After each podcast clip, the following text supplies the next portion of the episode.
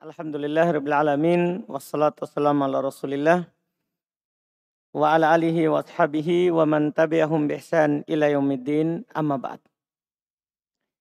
Alhamdulillah kita lanjutkan pelajaran sifat salat Nabi Muhammad sallallahu alaihi wa ala alihi wasallam.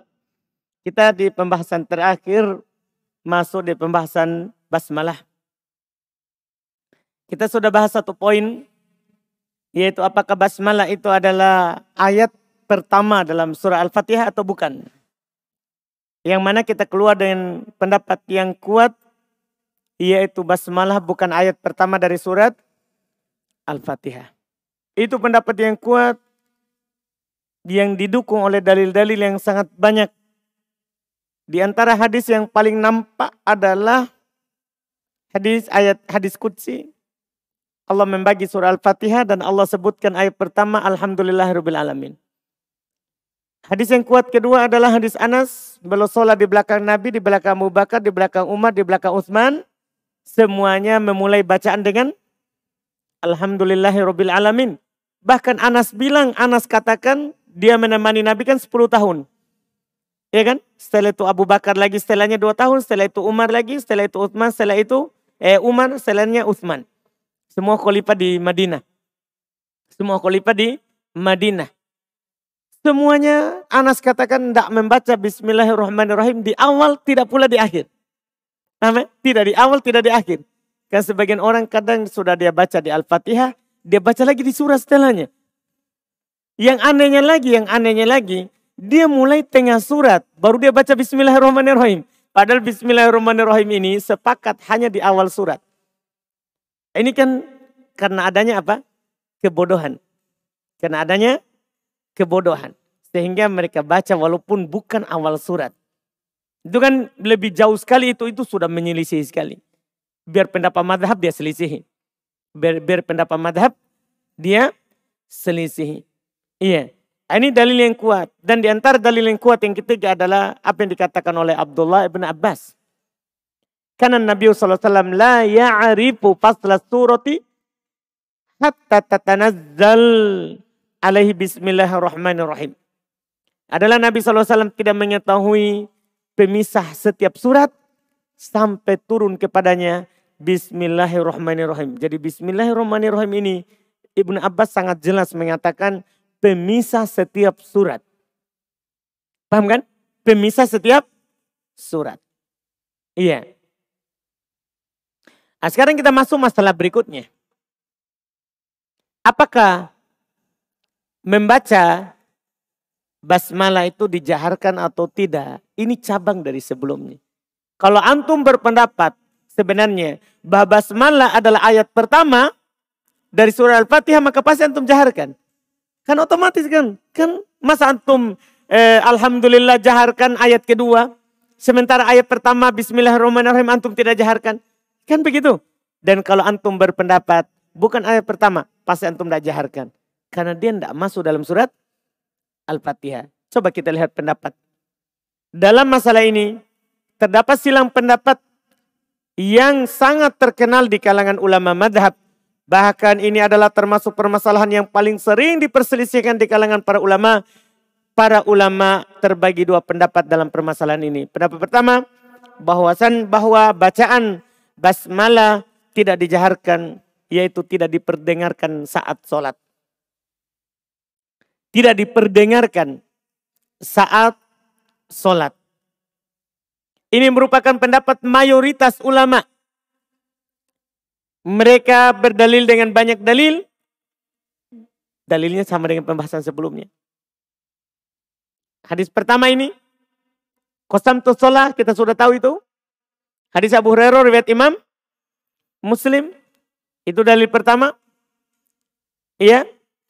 Dalil kedua, hadis Anas riwayat Bukhari Muslim. Saya sholat di belakang Nabi. Abu Bakar, Umar, Uthman. Mereka membuka sholatnya dengan Alhamdulillah Rabbil Alamin. La bismillahirrahmanirrahim fi awali kiraatin wala fi akhirnya. Jadi dalil permasalahan ini sama. Makanya perlu antum tahu masalah awal pokok yang pertama kan. Karena dalilnya apa? Sama. Di sana apa yang antum kuatkan maka akan terpengaruh di sini. Di sini. Kalau antum di sana tidak bahas, susah untuk menguraikan di sini. Jelas kan? Susah untuk menguraikan di sini. Ini pendapat pertama. Terus pendapat kedua ada di halaman 99. Ya mereka menyatakan bahwa bacaan basmalah diperdengarkan saat sholat. Diperdengarkan saat sholat. Artinya makmum dengar. Nah, yang aneh itu orang melakukan di pertengahan dua pendapat ini. Jadi dia tidak lakukan tapi dia perdengarkan. Itu paling aneh yang didengar. Itu paling aneh. Jadi ada orang bilang, ada orang baca Bismillahirrahmanirrahim. Itu yang paling aneh di dunia. Tidak ada yang berpendapat seperti itu. Kan cuma ada dua pendapat. Pertama diperdengarkan, Bismillahirrahmanirrahim. Sama dilakukan begitu. Yang kedua tidak diperdengarkan. Kita hanya memperdengarkan diri kita sendiri. Pendapat yang paling aneh adalah yang saya jumpai di imam, di imam. Bismillahirrahmanirrahim. Baru alhamdulillah itu paling aneh. Tidak tahu pendapat apa yang dia pakai. Nah, tidak tahu, tidak tahu kita pendapat apa yang dia pakai. Kan itu sudah menyelisih dua pendapat yang ada. Dia punya pendapat yang ketiga, ketiga itu orang paling aneh di dunia. Iya. Ini kan yang disebutkan. Dua saja. Pendapat kedua ini dia memperdengarkannya saat sholat. Ini pendapat Imam Syafi'i yang perlu antum tahu. Makanya di pengikut Syafi'i dia jaharkan. Paham kan? Ini pendapat Imam Syafi'i, Ibnu Jubair, Ikrimah, Ibn Abbas, dan sekelompok dari sahabat. Mereka berdalil dengan beberapa dalil. Ya, dalil pertama ini Anda sebutkan supaya antum tahu bahwa mereka punya pendapat karena ada dalilnya. Jadi dalil pertama adalah hadis riwayat Imam An-Nasai dari Abu Hurairah bahwasannya Nu'man Nu'aim Al-Mujmir berkata, "Shallaitu wara'a Abi Hurairah." Saya sholat di belakang Abu Hurairah. Ya, lihat dalil ini saya sholat di belakang Abu Hurairah. Ya kan? Sebelumnya kan Anas, sahabat, menukil sholat di belakang Nabi, sholat di belakang Umar, eh Abu Bakar, Umar, Uth, Uthman. Nanti antum bandingkan siapa yang menukil. Kalau sahih ini nanti maka bandingkan Nuaim bin Al-Mujmir ini adalah tabi'in. Muridnya Abu Hurairah. Saya sholat di belakang Abu Hurairah. Faqara'a bismillahirrahmanirrahim. Faqara'a bi ummil Qur'an. Maka belum membaca bismillahirrahmanirrahim. Dan membaca ummil Qur'an. Idza bala hatta idza balagha ghairil maghdubi alaihim waladdallin faqala amin. Faqala nas amin. Maka orang-orang baru mengucapkan amin. Wa yaqulu kullama sajada Allahu akbar. Belum berucap, belum bertakbir setiap kali sujud. Wa idza qama minal julus fil itnatain kalau beliau berdiri dari duduk dari dua rakaat, qala Allahu Akbar, beliau juga berkata Allahu Akbar, wa idza sallama dan beliau salam qala beliau berkata walladzi nafsi demi jiwaku yang berada di tangannya. Jadi Abu Hurairah bersumpah, inilah asbahakum solatan bi Rasulillah. Saya adalah orang yang paling mirip solatnya dengan Rasulullah. Itu kata Abu Hurairah ini. Berarti yang belum praktekkan tadi itu adalah apa? Solatnya Rasulullah dengan diawali dijaharkan basmalah. Paham ini, ini dalil pertama? Hadis ini adalah hadis yang diriwayatkan oleh Imam An-Nasai. Akan tetapi kebanyakan ulama menganggap bahwa penyebutan basmalah itu tidaklah benar yang di awal. Yang di awal tidaklah benar. Hal tersebut sebagaimana yang dikatakan oleh Imam Ibnu Katsir. Ibnu Katsir mazhabnya Syafi'i. Ibnu Katsir madhabnya apa? Syafi'i. Sebagaimana dikatakan oleh Imam Ibnu Katsir ya dalam Al-Irsyad Al-Faqih dan Ibn Abdul Hadi dalam kitab Al-Muharrar. Ya dalam kitab Al-Muharrar. Berkata Imam Az-Zailai sebagaimana dinukil dalam kitab Nasbur Royah itu eh, tulisan dari Al-Hafidh Ibn Hajar ini adalah hadith yang cacat.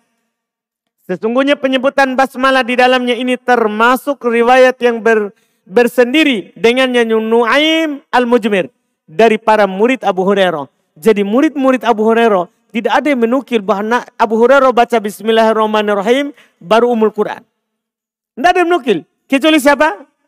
Nuaim Al-Mujmir. Yang menukil. Dari sekian ribuan muridnya Abu Hurairah. Paham kan? Iya.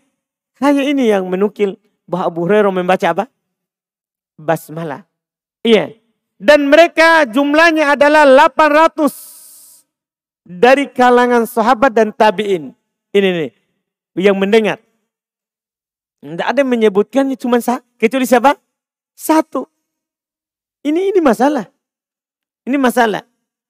Iya. Dan tidak ada yang valid dari rawi yang sikoh terpercaya dari murid-murid Abu Hurairah yang menceritakan bahwa Abu Hurairah menjaharkan basmalah dalam solat dan telah di dan telah berpaling dari menyebutkan basmalah dalam hadis Abu Hurairah pemilik dua sahih yaitu Imam Al-Bukhari dan Imam Muslim. Imam Al-Bukhari dan Imam Muslim tidak ada penyebutan ini bahwa Abu Hurairah solat mengimaminya dan Abu Hurairah memulai dengan baca apa? Basmalah. Ini Imam Bukhari dan Imam Muslim sengaja berpaling darinya karena itu adalah riwayat yang cacat. Riwayat yang cacat. Demik, dengan demikian hadis yang menyebutkan bahwa Abu Hurairah memperdengarkan basmalah saat sholat adalah hadis yang lemah. Dalil kedua. Disebutkan dalam hadis Abu Hurairah juga yang dikeluarkan oleh Imam Ad-Daruqutni. Dia berkata Rasulullah SAW bersabda, "Idza qara'atum alhamdulillah Faqra'u bismillahirrahmanirrahim. Wa bismillahirrahmanirrahim ihdaha. Masya Allah. Seandainya sahih ini kita letakkan di atas kepala kita. Kalau kalian membaca Alhamdulillah, maka bacalah Bismillahirrahmanirrahim. Bismillahirrahmanirrahim adalah salah satu ayatnya. Paham ini hadis yang diucapkan? Hadis ini dikeluarkan oleh Imam Daruqutni secara marfu yaitu sampai kepada Nabi dan maukuf dari ucapan Abu Hurairah dan belum membenarkan hadis ini secara maukuf. Maksudnya ini hadis bukan dari Nabi. Jadi Imam Darukutni kasih keterangan. Jangan sampai kita meriwayatkan bilang ada hadis riwayat Imam Darukutni tapi tidak nukil keterangannya. Imam Darukutni mengatakan ini hadis tidak sah dari Nabi. Ini hadis sah dari ucapan Abu Hurairah bukan dari ucapan Nabi. Nah, kalau ada Gini, ucapan sahabat secara ilmu usul, ucapan sahabat hujah. Dalil. Syaratnya kalau tidak menyelisihi Nabi. Paham, paham ini? Sekarang, pendapat yang pertama kan sudah ada hadisnya. Iya kan? Nabi tidak baca. Abu Bakar tidak baca. Umar tidak baca. Utsman tidak baca. Abu Hurairah suruh baca. Ucapan Abu Hurairah menyelisih ucap perbuatan Nabi. Paham kan? Bahkan menyelisih hadis kutsi. Paham maksudnya? Berarti boleh nggak dipakai berhujah ucapan Abu Hurairah? Tidak boleh. Padahal ucapan sahabat itu hujah. Tapi punya syarat. Apalagi ucapan selain sahabat. Tidak hujah. Sepakat. Ini hanya ucapan sahabat saja. Hujah dengan dua syarat. Tidak diselisih oleh sahabat lain. Dan tidak menyelisih dalil Abu Hurairah di sini belum berucap salah satu dari ayat Al-Fatihah adalah bismillah, bacalah. Itu kata Abu Hurairah. Dia diselisih oleh hadis, diselisih oleh Abu Bakar, Umar, Uthman. Paham kan? Bukan hujah. Walaupun Abu Hurairah radhiyallahu taala anhu yang mengatakannya. Bukan hujah. Iya. Dan salah dan yang salah adalah mengangkatnya sampai kepada Nabi Sallallahu Alaihi Wasallam adalah seorang rawi yang bernama Abdul Hamid ibnu Ja'far. Eh, Abdul Hamid ibnu Ja'far. Dan orang-orang yang berpendapat bahwa basmalah itu diperdengarkan memiliki dalil-dalil yang dianggap sampai kepada Nabi SAW akan tetapi seluruhnya tertolak.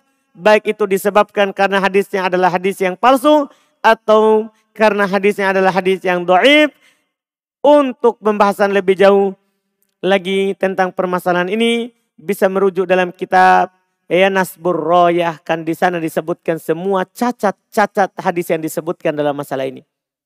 Ya kita sebutkan sebagian itu sebagai contoh saja. Sebagai contoh. Mana pendapat yang paling kuat? Dari kedua pendapat di atas yang paling mendekati kebenaran adalah pendapat yang pertama Yaitu pendapat mayoritas ulama. Dan ini merupakan pendapat Abu Bakar, Umar, Utsman, Ali. Khalifah Rasidin. Khalifah yang empat. Ini sudah Nabi lakukan. Abu Bakar, Umar, Utsman, Ali. Ini kan yang Nabi wasiatkan.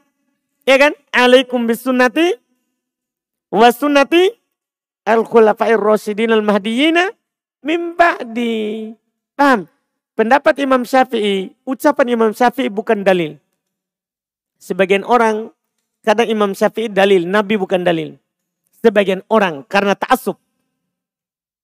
Karena fanatik madhab. Iya? Karena fanatik apa? Madhab. Ini buruknya kalau madhab. Kalau orang fanatik madhab. Dia menolak ucapan Nabi, apa yang dilakukan oleh Nabi gara-gara apa? Madhab imamnya. Gara-gara madhab imamnya itu namanya tercela. Itu sudah tercela. Karena wahyu itu nabi. Bukan imam syafi'i. Bukan imam syafi'i. Ini yang perlu diperhatikan. Iya, hanya saja di situ juga anak katakan bersamaan dengan hal tersebut sepakat para ulama bahwa siapa yang menjaharkan, memperdengarkan atau mensirkan tidak memperdengarkan basmalah hal tersebut tidaklah membatalkan sholatnya. Ini yang perlu diketahui. Ada orang menjaharkan basmalah, maka tidak batal sholatnya. Atau ada orang mensirkan basmalah, tidak batal sholatnya. Karena sebagian orang ya kalau kita sholat dengan langsung Alhamdulillahirrahmanirrahim di belakang teriak Bismillahirrahmanirrahim. Ada juga bilang Subhanallah. Dia kira kita lupa. Tidak lupa pak. Ini Nabi saya tidak baca begitu. Anda, anda paham ini? Ini paham kan? Jadi perlu antum tahu kalau antum sholat di belakang orang dia jaharkan. Sah sholatnya. Tidak ada masalah. Paham kan? Sah sholatnya. Iya kan? Demikian pula kalau ada orang yang meyakini pendapat bahwa dia dijaharkan. Dia sholat di belakang orang yang mensirkan. Sah sholatnya. Sah sholatnya. Jelas kan?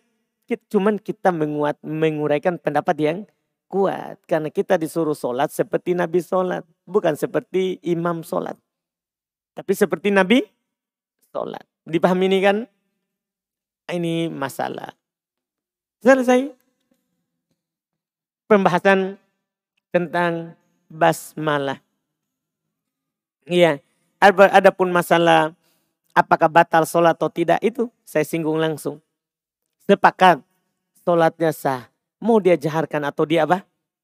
Sirkan. Sah sholatnya. Tidak batal. Tidak batal. Ini Alhamdulillah selesai. Ini masalah perlu antum eh, pahami dengan baik. Karena ya, di masyarakat mereka kadang tidak paham ya sehingga kadang bersikap dengan sikap yang eh, tidak wajar. Bahkan juga kadang kita ketika kita di pesantren, kita mendengar orang tidak baca, kita keluar ke masyarakat, ayo tidak mau ke sholat situ. Kenapa? Dia jaharkan basmalahnya. Seakan-akan dia jaharkan basmalah itu adalah bid'ah. Paham kan? Tidak. Jelas kan? Ini sunnah dibaca, tapi sunnahnya tidak dijaharkan. Sunnahnya tidak dijaharkan. Kita yang tahu, kita kasih tahu. Kalau diterima, Alhamdulillah, kita uraikan. Dah, uraikan. Kalau diterima, tidak ada. Alhamdulillah, dia tidak diterima. Tidak ada juga masalah. Kita tidak perlu paksakan dia. Ya, yang penting kita uraikan dulu yang Nabi lakukan seperti ini. Nabi sholat tidak baca. Ia menukil Anas. Anas itu pelayannya Nabi. Pelayannya Nabi. Dia yang tahu Nabi baca atau tidak. Paham kan? Ini yang disebutkan. Setelah itu Al-Fatihah. Hukum membaca surat Al-Fatihah. Dalam masalah ini sebenarnya bisa dikatakan tidak ada perselisihan. Hanya saja ada sedikit dari madhab yang menyelisih maka kita sebutkan. Pendapat pertama, membaca surah Al-Fatihah adalah merupakan rukun solat. Pendapat pertama, membaca Al-Fatihah adalah merupakan rukun sholat. Iya, apabila dikatakan bahwa membaca surah Al-Fatihah adalah rukun dalam sholat, maka barang siapa yang meninggalkan bacaan surah Al-Fatihah, solatnya batal. Dan ini merupakan pendapat mayoritas ulama. Mereka berdalil dengan dalil yang sangat banyak. Di antaranya apa yang disebutkan dalam hadis Ubadah bin Somit. Ini hadis pokok. Antum kalau hafal satu saja itu sudah bagus. Kan hadis pokok. Yang menjadi pokok itu itu yang dihafal. Karena kadang kita tidak mampu menghafal banyak. Tapi hafal yang menjadi pokok pendalilan. Menjadi pokok pendalilan. Ini hadis riwayat Bukhari Muslim.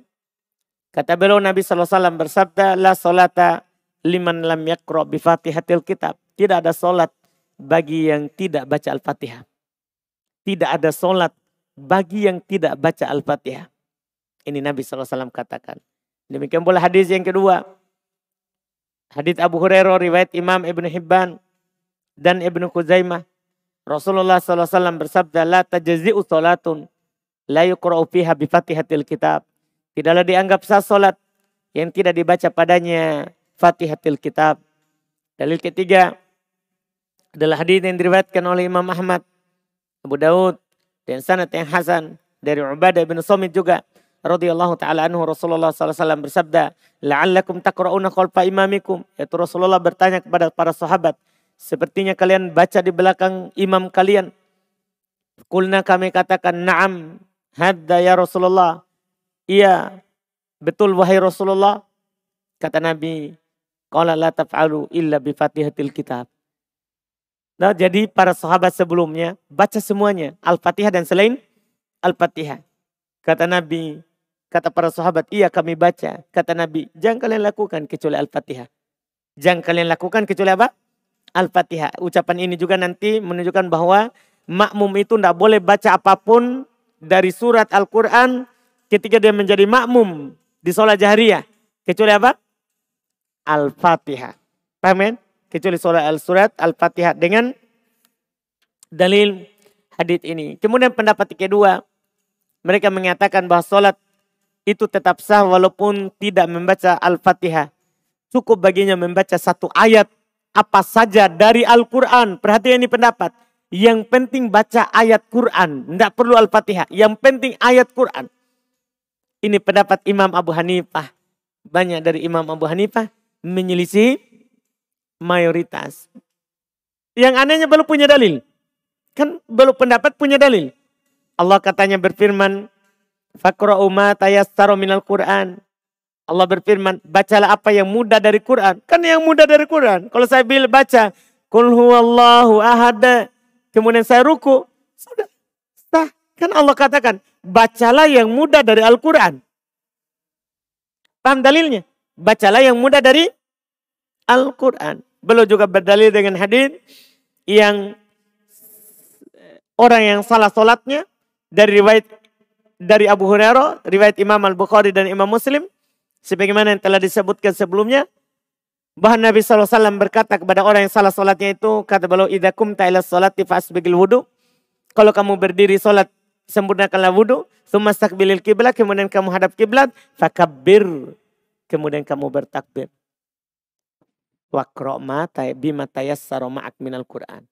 Bacalah apa yang mudah bersamamu dari Al-Quran. Di sini kan dibilang Al-Fatihah. Bacalah yang mudah bersamamu dari Al-Quran. Mereka berkata bahwa dalam hadis di atas tidak ada penyebutan Al-Fatihah. Tidak ada penyebutan Al-Fatihah. Paham pendapatnya ini? Dalilnya? Tidak ada penyebutan Al-Fatihah. Dan juga beberapa hadis lain yang mereka gunakan dalam berdalil akan tetapi semuanya tidak lepas dari kritikan dan ulama hadis terkait dengan hadis lain yang menjadi landasan mereka ya ndak dari ulama hadis ya ndak ada lepas dari kritikan dari ulama hadis mana pendapat yang kuat adapun yang benar dalam masalah ini adalah pendapat mayoritas ulama yaitu pendapat pertama terus bagaimana dalil pendapat kedua adapun dalil yang dibawakan pada pendapat kedua maka kita katakan bahwa dalil-dalil yang dibawakan pada pendapat kedua ini adalah dalil-dalil yang umum. Umum. Setelah al setelah takbir, bacalah yang mudah dari Al-Quran. Umum. Ini dalil umum. Paham ini? Sementara dalil dari pendapat pertama, dalil khusus. Tidak ada solat kalau tidak Al-Fatihah. Maka secara koedah, kalau ada dalil umum, Kemudian ada dalil khusus. Yang mana yang wajib diamalkan? Yang dalil khusus. Itu koedah dalam pendalilan. Itu koedah dalam pendalilan. Kita tidak mengingkari dalil pendapat kedua. Tapi itu kita katakan dalil u, umum. Bacalah yang mudah bagimu dari Al-Quran. Dan yang mudah adalah la solata illa bi fatihatil kitab. Tidak ada solat kecuali dengan Al-Fatihah. Iya kan? Yang mudah kita hafal apa? Nah, kan Al-Fatihah. Orang hafal Al-Fatihah biar tidak hafal. Kadang dia cukup pergi sholat di masjid langsung dia hafal Al-Fatihah. Atau paham ini? Sementara surah lain perlu di dihafal. Al-Fatihah kadang tidak perlu. Cukup dia dari kecil, dia di belakang imam, setelah dia balik sudah tahu Al-Fatihah. Walaupun tidak belajar. Itu yang mudah. Itu yang mudah. Jelas kan? Ini insya Allah ta'ala. Kemudian wajibkah membaca surah Al-Fatihah di setiap rakaat? Ini juga sama. Ada dua pendapat. Ada mengatakan wajib membaca Al-Fatihah di setiap rokaat. Ini adalah ya pendapat dari ya. Ini adalah pendapat dari mayoritas ulama. Mereka berdalil dari hadis Abu Hurairah yang diriwayatkan oleh Imam Al-Bukhari dan Imam Muslim tentang orang yang salah solatnya. Nabi berkata di akhir pengajaran beliau terhadap orang itu sumaf al dzalika fi salatika kulliha. Kemudian kamu lakukan hal itu di solatmu semuanya. Artinya semua rakaat kamu lakukan seperti itu. Ya. Dan juga mereka juga berdalil dengan hadis Abu Qatadah dalam riwayat Imam Al-Bukhari dan Imam Muslim Nabi SAW kata beliau anan Nabi SAW kana yakra'u fi raka'atainil ulayain minad dhuhri wal asr adalah Nabi SAW membaca di dua rakaat pertama di solat duhur dan asar di fatihatil kitab dengan fatihatil kitab wa suratin yusmi'una al ayat ahyana. Ya dan satu surat di dua rakaat pertama dengan satu surat dan belum memperdengarkan kami satu ayat terkadang. Terkadang belum memperdengarkan kami satu ayat. Wa yakra'u fi akhirain dan Nabi membaca di dua rakaat terakhir di Fatihatil Kitab dengan Fatihah saja. Berarti Nabi baca di setiap rakaat atau satu rakaat saja? Kan di setiap rakaat. Dua rakaat pertama Al-Fatihah dan surat setelah Al-Fatihah. Dua rakaat terakhir Al-Fatihah saja. Paham kan? Ini sangat jelas. Dan juga hadis semisal dengan hadis Jabir dalam riwayat Imam Ibnu Majah. Pendapat kedua membaca Al-Fatihah itu katanya wajib pada dua rakaat pertama. Hmm. Hanya wajib pada dua rakaat pertama katanya. Ya, adapun pada dua rakaat terakhir jika dia ingin membaca surah Al-Fatihah maka ia baca, jika ia tidak ingin maka bertasbih. Ya. Jika dia ingin bertasbih cukup ia bertasbih saja dan jika ingin diam maka boleh ia diam. Akan tetapi yang lebih utama adalah membaca surah Al-Fatihah. Jadi mereka katakan lebih utama baca Al-Fatihah. Tapi kalau dia mau bertasbih saja, boleh. Kalau dia mau diam saja, boleh. Menunggu imam sampai ruku. Hmm. Iya. Ini eh, dia bilang ini pendapat Abu Hanifah. Sekali lagi Abu Hanifah. Di sini Abu Hanifah yang berpendapat. Paham Abu Hanif? Masya Allah. Iya. Tapi Abu Hanifah itu seorang tabi'in. Beliau seorang tabi'in. Abu Hanifah. Masih generasi terbaik. Hanya saja belum tidak banyak dalil yang belum tahu. Maka pendapatnya banyak sekali menyelisih dalil. Banyak sekali menyelisih dalil. Belum berdalil dengan keumuman ayat fakro umat tayassaru minal Quran. Bacalah apa yang mudah dari Al-Quran. Dalam ayat ini katanya tidak ada disebut Al-Fatihah. Baca saja yang mudah dari Al-Quran. Iya. Mereka juga berdalil dengan dalil lain. Sekarang kita lihat pendapat yang kuat. Dan ada pendapat ketiga yang Anda sebutkan di halaman 108. Ada yang berpendapat bahwa surah Al-Fatihah hanya di rokaat pertama saja. Jadi pendapat ketiga di rokaat pertama saja. Ini pendapat Al-Hasan dan Daun. Mereka berdalil dengan keumuman ayat juga. Fakru umay tayas saruma'ak fama tayassaru Quran. Iya, itu juga.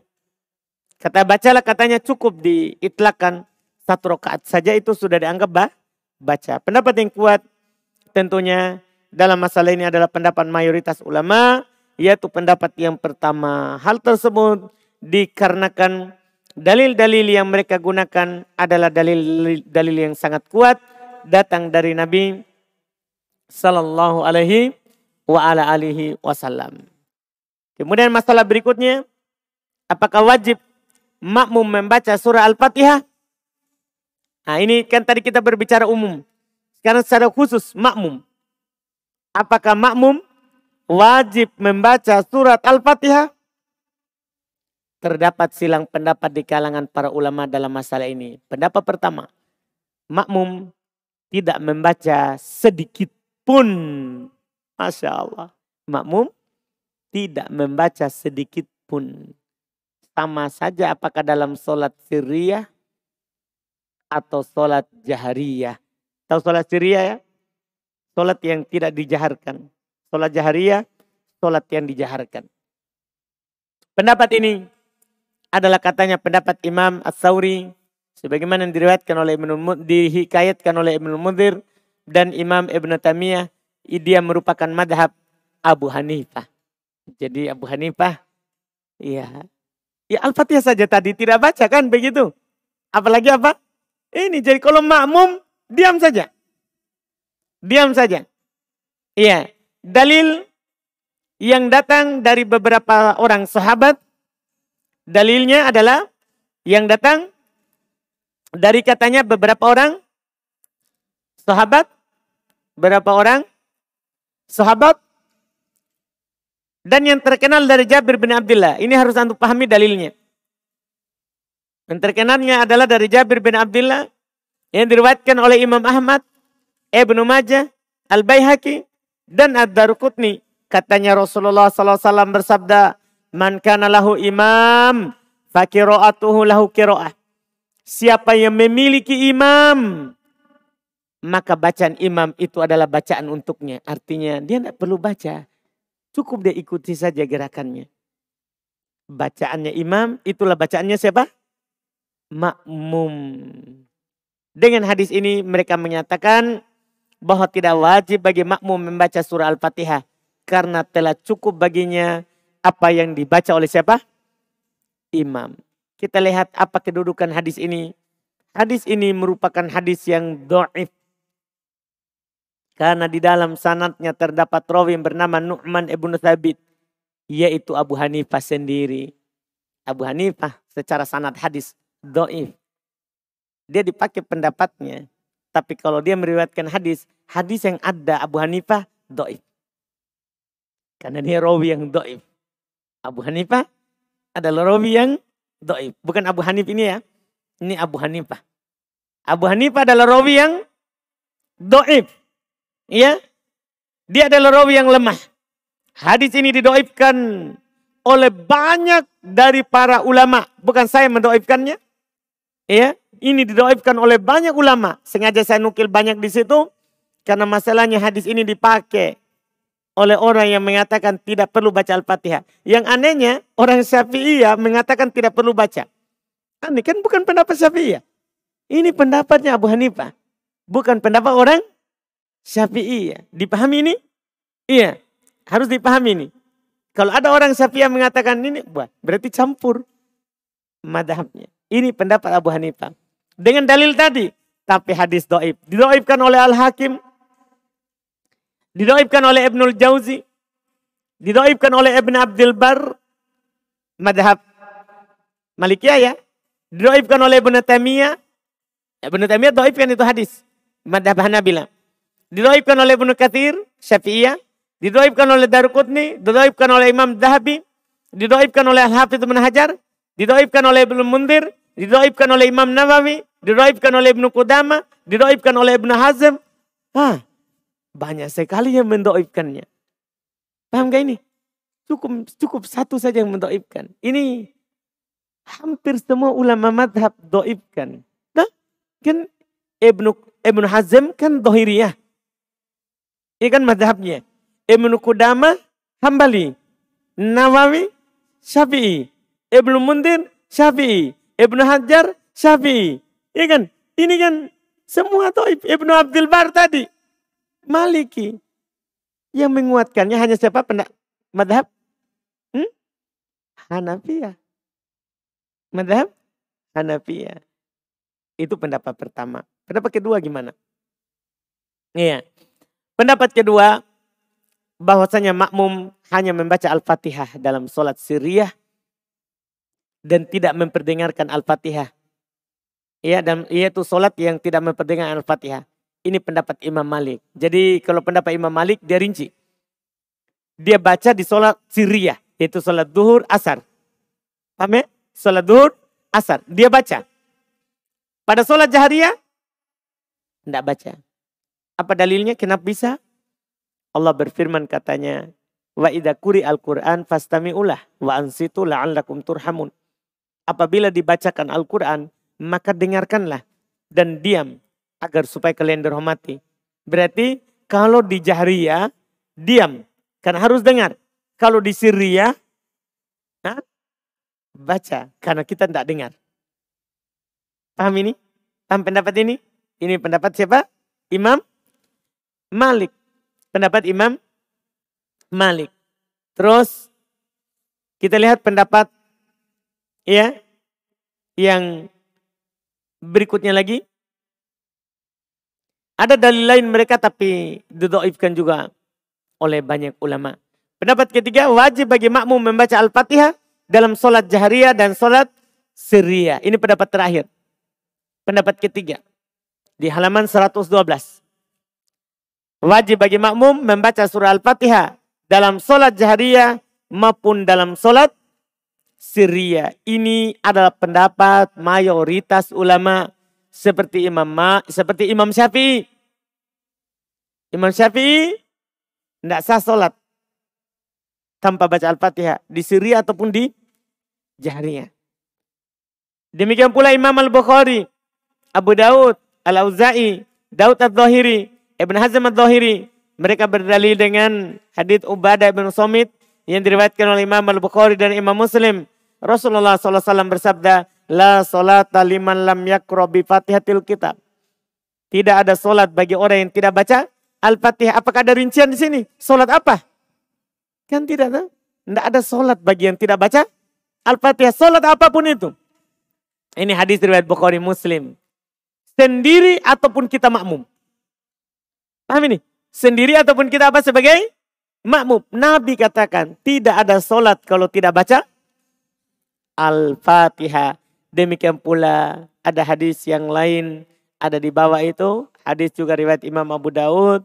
Ya, Tirmidzi Al-Baihaqi dari Ubadah bin Somit. Kunna khalfa Rasulillah. Dia bercerita. Kami di belakang Rasulullah. Solat. Makmum. Ini sangat terang sekali.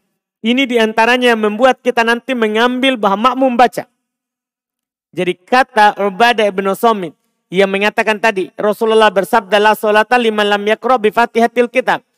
Dia bercerita kunna khalfa Rasulillah. Adalah kami di belakang Rasulullah. Fi salatil fajar.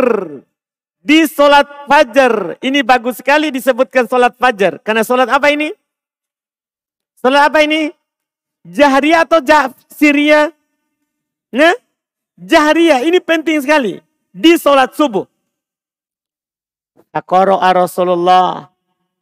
Maka Rasulullah membaca. Fatakulat alaihil kiro'ah.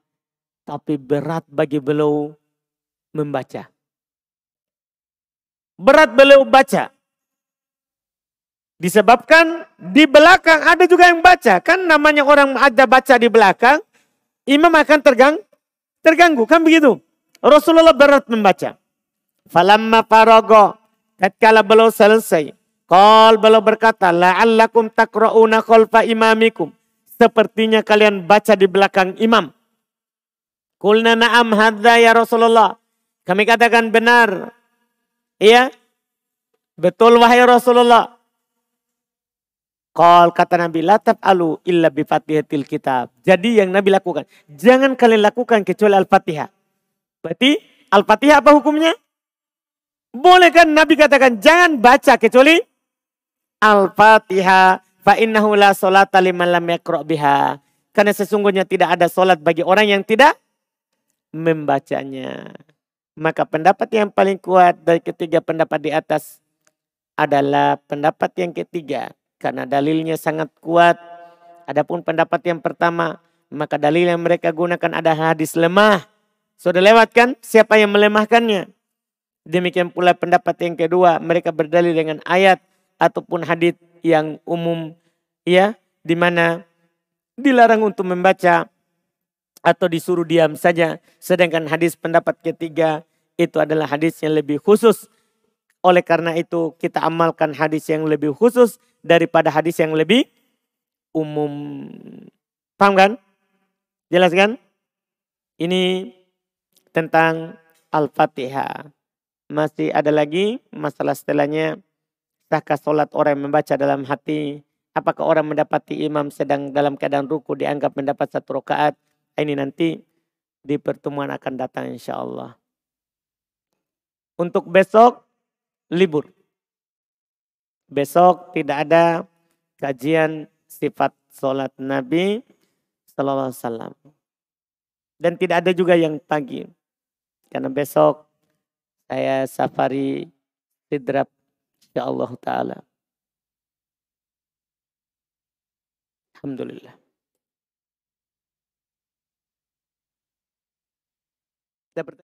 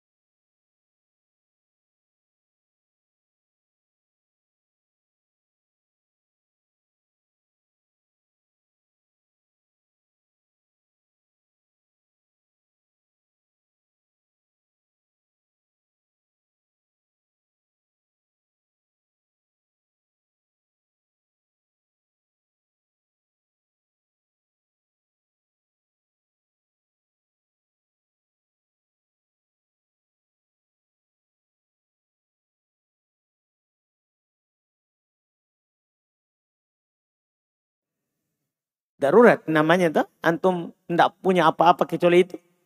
Darurat namanya. Kan? Terus yang ketiga Ustaz, terakhir. Uh, tentang adab sih sebenarnya Ustaz. Nasihati kepada kami Ustaz untuk para penuntut ilmu agar bagaimana dia tidak uh, ribut atau semisalnya di dalam majelis. Mohon nasihatnya Ustaz. Hmm. Tapi ada orang ribut di majelis? Kalau kita dapati seperti itu nasihatkan, hmm. maksudnya kita dapati. Nah, iya, kita terjadi. katakan bahwa belajar itu orang kan beribadah kepada Allah. Iya kan? Kita mendengarkan kalam Allah, kalam Rasul. Maka mimbab ta'zimillah wa taukir Rasulillah dalam bab memulia mengagungkan Allah dan menghormati Rasulullah kita tidak ribut. Bahkan para salaf mereka tidak mengangkat suara lebih tinggi kalau memang harus berbicara ketika disebutkan hadis Nabi SAW.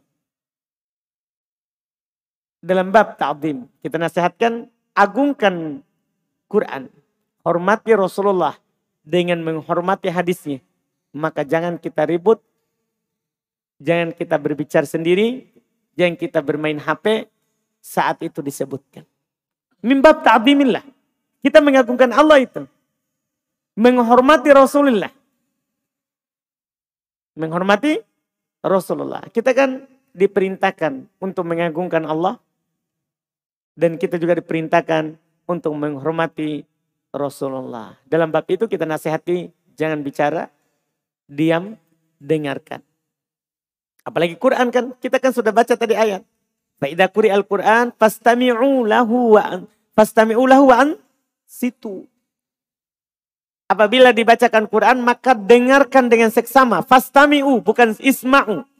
Ini istami'u. Dengarkan dengan seksama. Dengarkan dengan baik. Wa situ. Dan diam. La'allakum turhamun. Agar supaya kalian dirahmati. Jadi sebab datangnya rahmat Allah adalah kalau kita diam. Dengarkan. Tidak sibuk dengan yang lain. Kemudian berikutnya ini pertanyaan dari Akwat. Ustadz, saya seorang ummahat menjual di Al-Markas setiap hari Jumat. Apa hukumnya apabila saya masih melayani pembeli pada saat khutbah Jumat telah berlangsung setelah adan? Pembelinya rata-rata orang awam. Pertama, kita kan boleh melakukan jual beli. Kita sendiri boleh karena kita perempuan. Ada ayat firman Allah Subhanahu wa taala dalam surah Al-Jumu'ah Ya ayuhalladzina amanu idza nudiya lis-salati miyaumil jum'ati fas'au ila dzikrillah wa darul bai'. Wahai orang-orang yang beriman, apabila kalian dipanggil nah idza nudiya liyaumil jum'ah, kalau kalian dipanggil untuk hari Jumat, fas'au bersegeralah ya kepada panggilan Allah. Bersegeralah kepada panggilan Allah Subhanahu wa taala wadarul bai. Tinggalkan jual beli. Ini hitop untuk laki-laki. Bukan hitop untuk perempuan. Kenapa? Karena perempuan tidak wajib Jumat. Maka boleh perempuan tetap menjual. Boleh perempuan tetap menjual. Walaupun itu sudah ada. Yang tidak boleh laki-laki.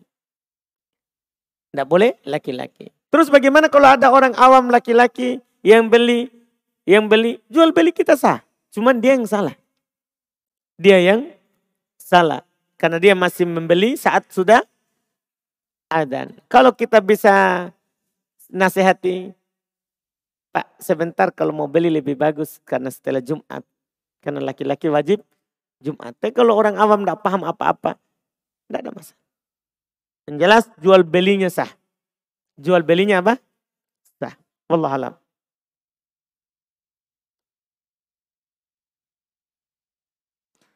Izin bertanya Ustadz, kakak Ana beli mobil dengan transaksi kredit lunak. Dan Ana yang disuruh mewakili ke dealer untuk tanda tangan. Eh, penyerahan apa ini? Penyerah pen, penyeberangan mobil tersebut. Apa ini? Penyeberangan. Oke kota kakak anak tinggal Apakah dengan anak bantu, anak ikut mendukung riba?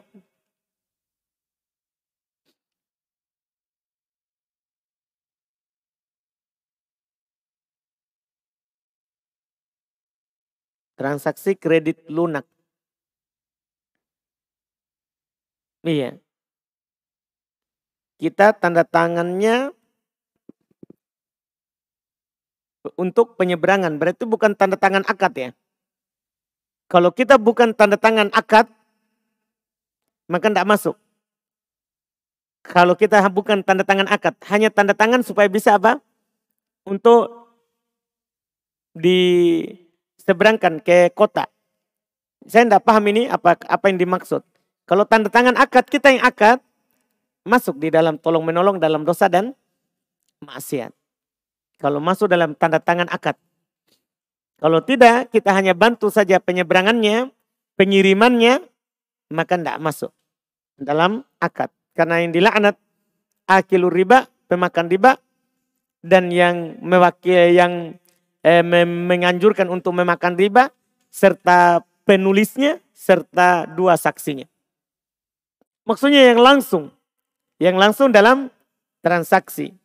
Ya, adapun sudah transaksi, kita cuma bantu untuk dikirimkan mobilnya, tidak masuk, wallahualam.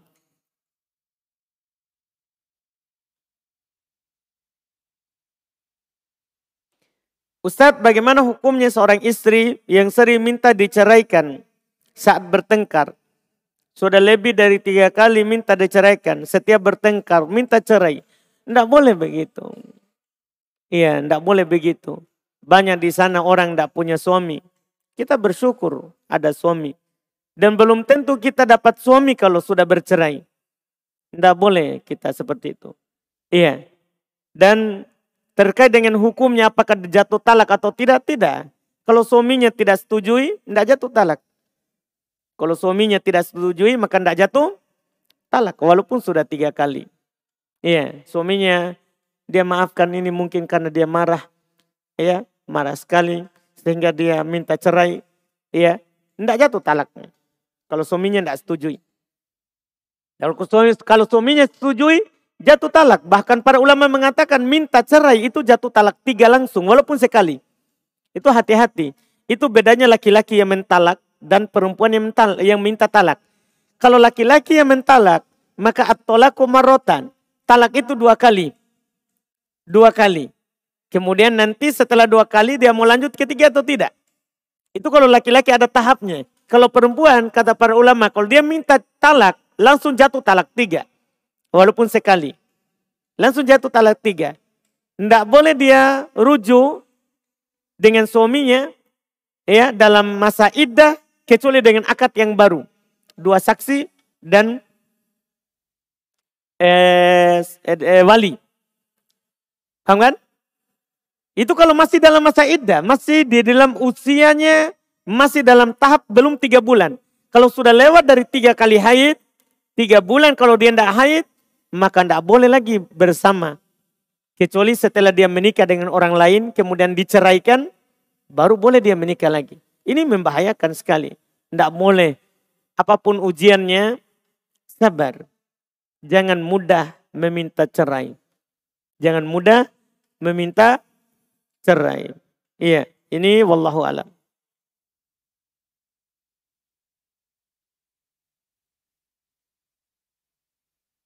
Sini ada pertanyaan lagi, sebelum hijrah saya pernah bernazar bahwa jika kelak saya bisa melihat anak-anak saya besar hingga mereka menikah, maka saya akan memotong sapi. Beberapa waktu kemudian saya berpikir lagi untuk mengganti sapi menjadi kambing. Kan ternyata harga sapi dari waktu ke waktu makin tinggi. Pertanyaan saya apakah yang harus saya lakukan? Karena setelah hijrah saya baru tahu kalau tidak boleh bernadar dalam hal apa pun. Apakah saya tetap melaksanakan nadar saya itu bagaimana atau bagaimana? Tetap. Pernah ada seorang bernadar untuk memotong hewan di buana. Waktu jahiliyah. Kata Nabi kepadanya, hal piha watanun yu'bad. Apakah di buana itu ada berhala yang disembah? Karena kenapa kita bernadar untuk potong di situ? Maka Nabi bertanya, apakah ada berhala di sana? Dia bilang tidak. Dia bilang tidak. Hal pihak min ayat al-musyrikin. Apakah di tempat itu biasa dilakukan? Ya. Kemudian kita setelah tahu bahwa kita ada nadar itu, wajib penuhi nadarnya. Kalau tidak mampu, kita tidak mampu. Qadarullah, tidak mampu. Ya, boleh kita batalkan dengan tadi, kambing tadi, tapi wajib kita bayar kafaro nadar. Wajib kita bayar kafaro nadar. Pertama bebaskan budak. Dan sekarang tidak bisa kita cari budak. Tidak ada budak di Makassar. Dan Nabi juga sudah hapus perbudakan. Kan begitu? Iya. Jadi tidak bisa. Kalau tidak bisa, maka kita kasih makan 10 orang miskin. Atau kasih pakaian 10 orang miskin. Kalau juga tidak bisa, maka berpuasa tiga hari. Bolehkan. Iya, karena dia melakukan transaksi, transaksi di mana? Di masjid. Tidak dibolehkan.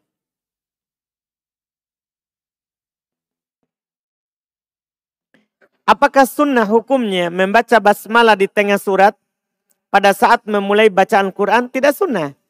Sunnah itu kita baca ta'awud. Kalau di tengah surat kita baca ta'awud. Kita baca a'udzu billahi minasyaitonir rajim, bukan basmalah. Basmalah itu khusus di awal surat. Di awal surat basmalah. Kalau kita di tengah surat, di awal surat kan a'udzu ta'awud baru basmalah. Ya kan? Kalau di tengah surat ta'awud saja. Tidak sunnah basmalah. Karena basmalah itu diturunkan untuk pemisah setiap surat. Bukan memisahkan tengah surat. Paham kan? Berarti nanti kalau seperti itu berarti surat dalam Quran banyak. Bukan 114. Paham kan? Ya kan? Karena kapan kita baca bismillah berarti kita ini surah beda lagi. Ini surah yang berbeda lagi. Tidak boleh. Tidak sunnah. Allah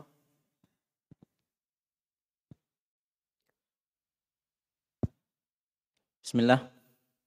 Tadi di pembahasan masalah basmalah ada dua pembahasan.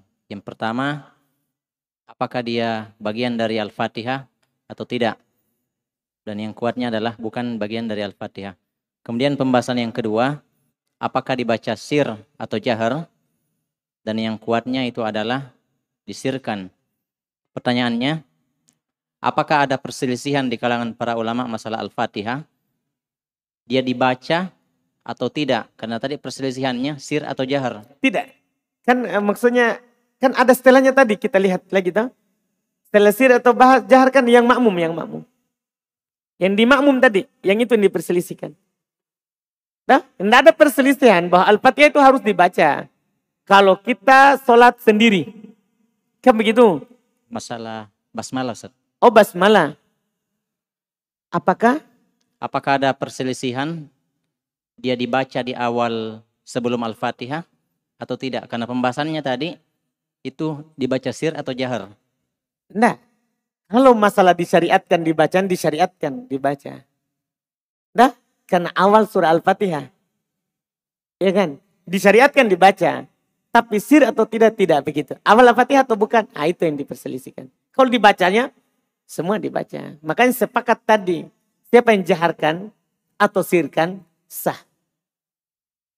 Nah, karena dia disyariatkan dibaca. Cuman sir atau tidak? Maka tergantung awal ayat atau bukan. Berarti disyariatkan itu karena karena awal surah. Betul. Jadi dia disyariatkan. Beda disyariatkan sama hukum. Nah, beda disyariatkan sama hukum.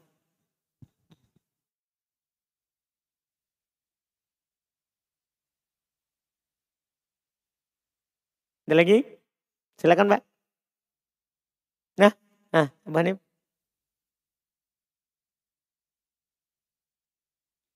Tadi saya terkait ayat bantahan kelompok Jabriyah sama Qadariyah yaitu wa ma tasyauna illa ayyasha Allahu rabbul alamin. Apakah orang-orang Jabriyah juga berdalil dan ayat ini Ustaz? Hmm? Orang Jabriyah. Enggak lah. Karena Mereka tidak berdalil. Mereka menolak ayat itu. Karena Allah tidak punya keinginan menurut mereka. Kalau kita katakan Allah punya keinginan, berarti Allah sama dengan makhluk. Itu pokok mereka. Mereka memang tidak mereka tidak menetapkan itu. Anu maksudnya hmm. dia tolak ayat ini atau dia salah paham? Dia tolak. Kita paham kan mereka mu'attilah. Mereka mu'attilah. Mereka tolak ayat apalagi hadis. Oh, berarti mereka yang satu orang-orang yang dihukumi kafir begitu. Makanya mereka itu kelompok kafir. Ini bid'ah qadariyah, bid'ah jabariyah, bid'ah kafir. Bid'ah yang mengkafirkan. Kan beda itu kan dua. Ada mengkafirkan, ada yang tidak mengkafirkan. Bid'ahnya Jabariyah, Qadariyah, bid'ah mengkafirkan. Orang Jabariyah, orang Qadariyah sepakat para ulama kafir. Dari kalangan sahabat sudah kafirkan Qadariyah. Kemudian Ustaz tentang bacaan-bacaan dalam sholat seperti bacaan ruku. Kan ada banyak jenisnya. Ketika ingin diamalkan semuanya itu apakah bisa dalam satu sholat atau harus beda? Nanti, nanti. Kan belum, Kita baru Al-Fatihah. Sabar, sabar, sabar. Anu satu kayak takbir. Hmm? Kayak takbir kan ada yang sedang setara dengan telinga, Hmm. pundak. Apakah dalam satu sholat itu bisa diamalkan? Boleh. Kan sudah saya bilang sebelumnya tak? Boleh misalnya rokaat pertama sampai telinga, rokaat kedua sampai bahu. Tidak ada masalah. Nah, kemudian Ustaz, ada yang memahami begitu? Mengangkat tangan sejajar dengan daun telinga itu, dia taruh jempolnya di sini, Ustaz. Hmm? Dia taruh jempolnya di daun telinganya. Anda sejajar, bukan disentuh. Sama sini tuh, dia di bahu dia begini. Bukan, maksudnya sejajar. Sejajar. Hatta yuhadi. Lafaznya kan? Hatta yuhadi. Sampai sejajar. Bukan menyentuh. Sejajar, sejajar. Hah? Hmm. Sejajar dengan bahu, sejajar dengan daun telinga. Berarti nanti dia harus sentuh bahunya. Gimana itu? Entah? Hmm, bukan. Sejajar, sejajar. Bismillah Ustaz. Dikatakan tadi bahwasanya pendapat yang benarnya itu dari pembahasan bismillah bukan bagian dari surah Al-Fatihah. Lalu bagaimana dengan nama surah Al-Fatihah Ustaz dengan As-Sabaqul Mathani bahwasanya dia adalah tujuh ayat saya sedangkan kalau kita keluarkan bismillah di dalam mushaf itu terdiri dari enam ayat. Enggak, tetap tujuh. Cuman ayat terakhir itu dua ayat. Cuman penomorannya dia enggak kasih nomor. Itu kan ayat terakhir apa? Ihdinas siratal mustaqim siratal ladzina an'amta alaihim ghairil maghdubi alaihim waladdallin. Di situ pertama. Iya. Nah, kan berarti tetap tujuh. Cuman dalam mushaf Utsman enggak ditulis nomor karena ada basmalah di awal. Paham kan? Kan Utsman yang kumpulkan. Nah, bagi yang menyatakan tujuh, tetap tujuh. Karena Allah kan sebut tujuh. Ya kan? Allah sebut tujuh. Cuman pemisahnya di situ tadi. Siratal ladzina an'amta alaihim. Ghairil maghdubi alaihim waladdallin. Berarti kan tujuh kan? Hmm. Silakan Pak, di belakang tadi. Silakan Pak.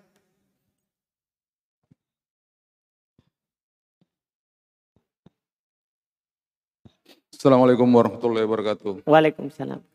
Uh, Ustaz, uh, terkait dengan pembahasan kita hari ini, uh, perihal pembacaan Al-Fatihah. Yang ingin saya tanyakan Ustadz, uh, kita sebagai makmum, apabila kita mengikuti sholat imam, baik itu sholat uh, jahar ataupun sir, seandainya kita uh, masbuk, sementara Al-Fatihah itu kan syariatnya atau kewajibannya harus dibaca, baik itu salat sir ataupun uh, jahar. Itu bagaimana Ustadz kalau seandainya imamnya sudah ruku, baru kita datang, apakah kita baca Al-Fatihah baru ruku atau langsung ruku saja?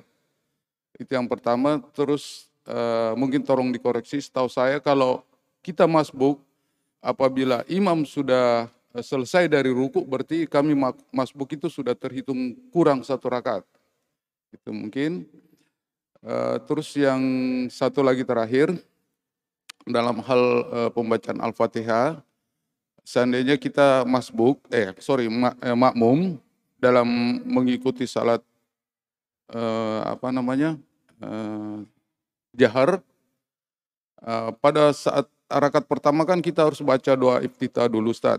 Uh, terus kita sesuai dengan syaratnya kita harus baca Al-Fatihah. Uh, apakah uh, kita uh, kalau seandainya kita membaca Al-Fatihahnya itu terlambat, sementara kita wajib untuk menjawab bacaan, bacaan imam setelah walad dolin. Kita makmum kan harus membaca amin. Sementara kita proses ini, karena kita mungkin agak telat baca iftitahnya, kita belum selesai baca Al-Fatihahnya kita.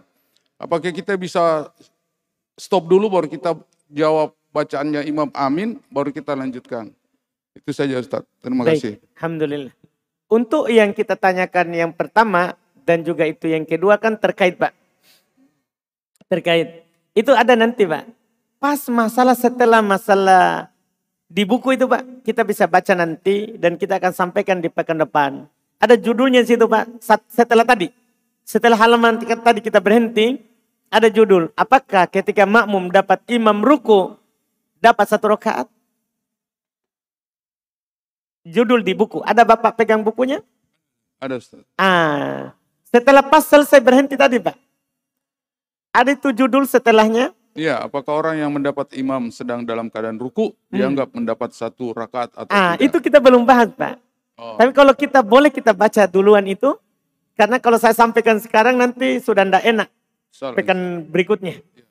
Nah, jadi di situ nanti Pak akan dikatakan, apakah kalau kita makmum dapat ruku, kita dapat ruku atau dapat satu rakaat atau tidak? Padahal kita tidak baca Al-Fatihah. Ah, Itu nanti kita akhirkan Pak ya. Nah, kita sekarang fokus pertanyaan kita yang terakhir. Enggak, yang yang ya oke, kalau yang ini Hmm. nanti next setelahnya. Tapi yang saya mau tanyakan tadi, eh, kalau seandainya kita makmum, eh, masbuk, Hmm. kan kita wajib untuk baca Al-Fatihah. Iya. Sementara imam sudah ruku, apakah kita baca Al-Fatihah dulu sampai selesai habis, baru kita ruku, atau Ah. langsung ruku? Ini nanti Pak, masuk semua di situ. Makanya saya bilang tadi, Ya, ya, pertanyaan tak yang pertama dan kedua itu terikat Pak. Karena terkait dengan dapat imam, kita masbuk, dapat imam ruku. Akan nanti terkait kita boleh baca Al-Fatihah dulu atau ru- langsung ruku. Misalnya, itu paham, paham. terikat itu Pak. Nanti kalau boleh kita baca duluan nanti. Salah. Iya, ada di situ saya rinci pemadhab dari masalah itu. Kemudian pertanyaan kita yang terakhir ini yang kita jawab karena eh, kita ndak bahas itu yang berikutnya nanti. Itu masalah kita berarti ndak masbuk Pak ya. Masuk, Ini ya. pertanyaan yang terakhir ini tadi ndak masbuk. Kita kan baca iftitah. Kemudian kita baca Al-Fatihah, baca Al-Fatihah. Iya, kita belum selesai, imam sudah baca waladolin.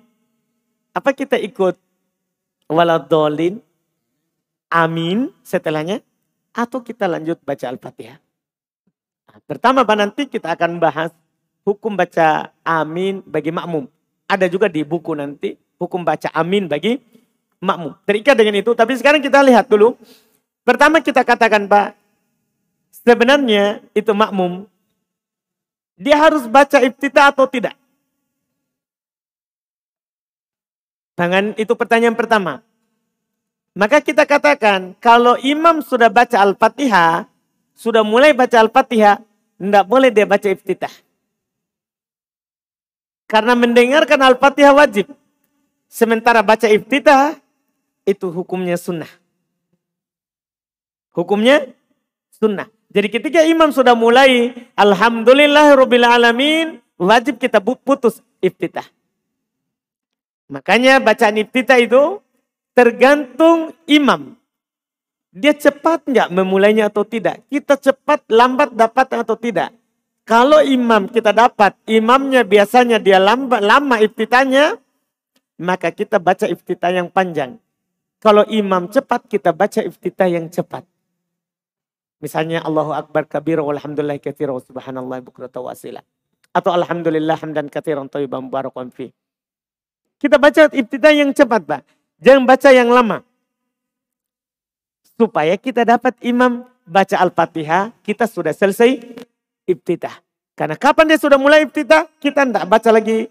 Dia mulai Al-Fatihah, kita tidak baca lagi iftitah. Itu masalah pertama, Pak. Masalah kedua, posisi Al-Fatihah itu, Pak, itu dua tempatnya. Tergantung keadaan kita. Kita bisa nggak melakukannya itu. Posisi pertama, kita boleh mengikuti imam. Ketika imam bilang alamin, kita ikuti alamin. Kan tadi para sahabat ikut, Pak. Cuman mereka juga ikut selain Al-Fatihah. Makanya Nabi bilang jangan ikut kecuali Al-Fatihah saja. Jadi boleh kita ikut. Ar-Rahmanir Rahim, Ar-Rahmanir Rahim. Malik yaumiddin, Malik. Kita ikuti. Jadi pas dia juga selesai, waladolin kita juga sudah. Waladolin sehingga amin bersama imam. Itu kalau memang kita mau ikuti. Kalau tidak mampu kita ikuti, misalnya kita masbuk, kita datang dia sudah mulai. Atau tidak masbuk, tapi kita tidak mampu ikuti. Maka jangan di situ posisinya Pak. Supaya tidak terpotong dengan amin. Kita baca setelah waladolin amin. Setelah kita ucapkan amin, kita baca Al-Fatihah. Kan boleh baca Al-Fatihah saat imam baca surat lain. Boleh Pak. Dengan hadis yang sama tadi. Jangan baca kecuali Al-Fatihah. Berarti boleh kita baca Al-Fatihah saat imam setelah Al-Fatihah. Seperti itu Pak. Supaya kita tidak masalah dengan itu. Alhamdulillah. Syukran Ustaz. Alhamdulillah. Jelas sekali. Benar. Ada lagi? Silakan. Wah ini berarti terakhir karena langsung ujung.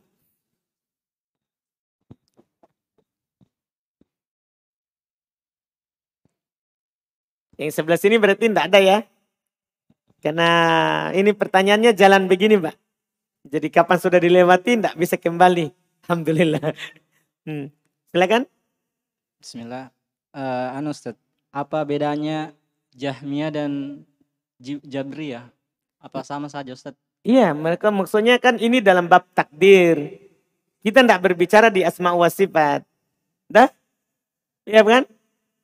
Paham kan? Ini dalam bab takdir mereka dinamakan Jabariyah atau Koda Qadariyah. Tapi kelompok kelompok Jahmiyah, kelompok Mu'tazilah kan itu juga yang berpendapat seperti itu. Paham kan? Paham Ustaz.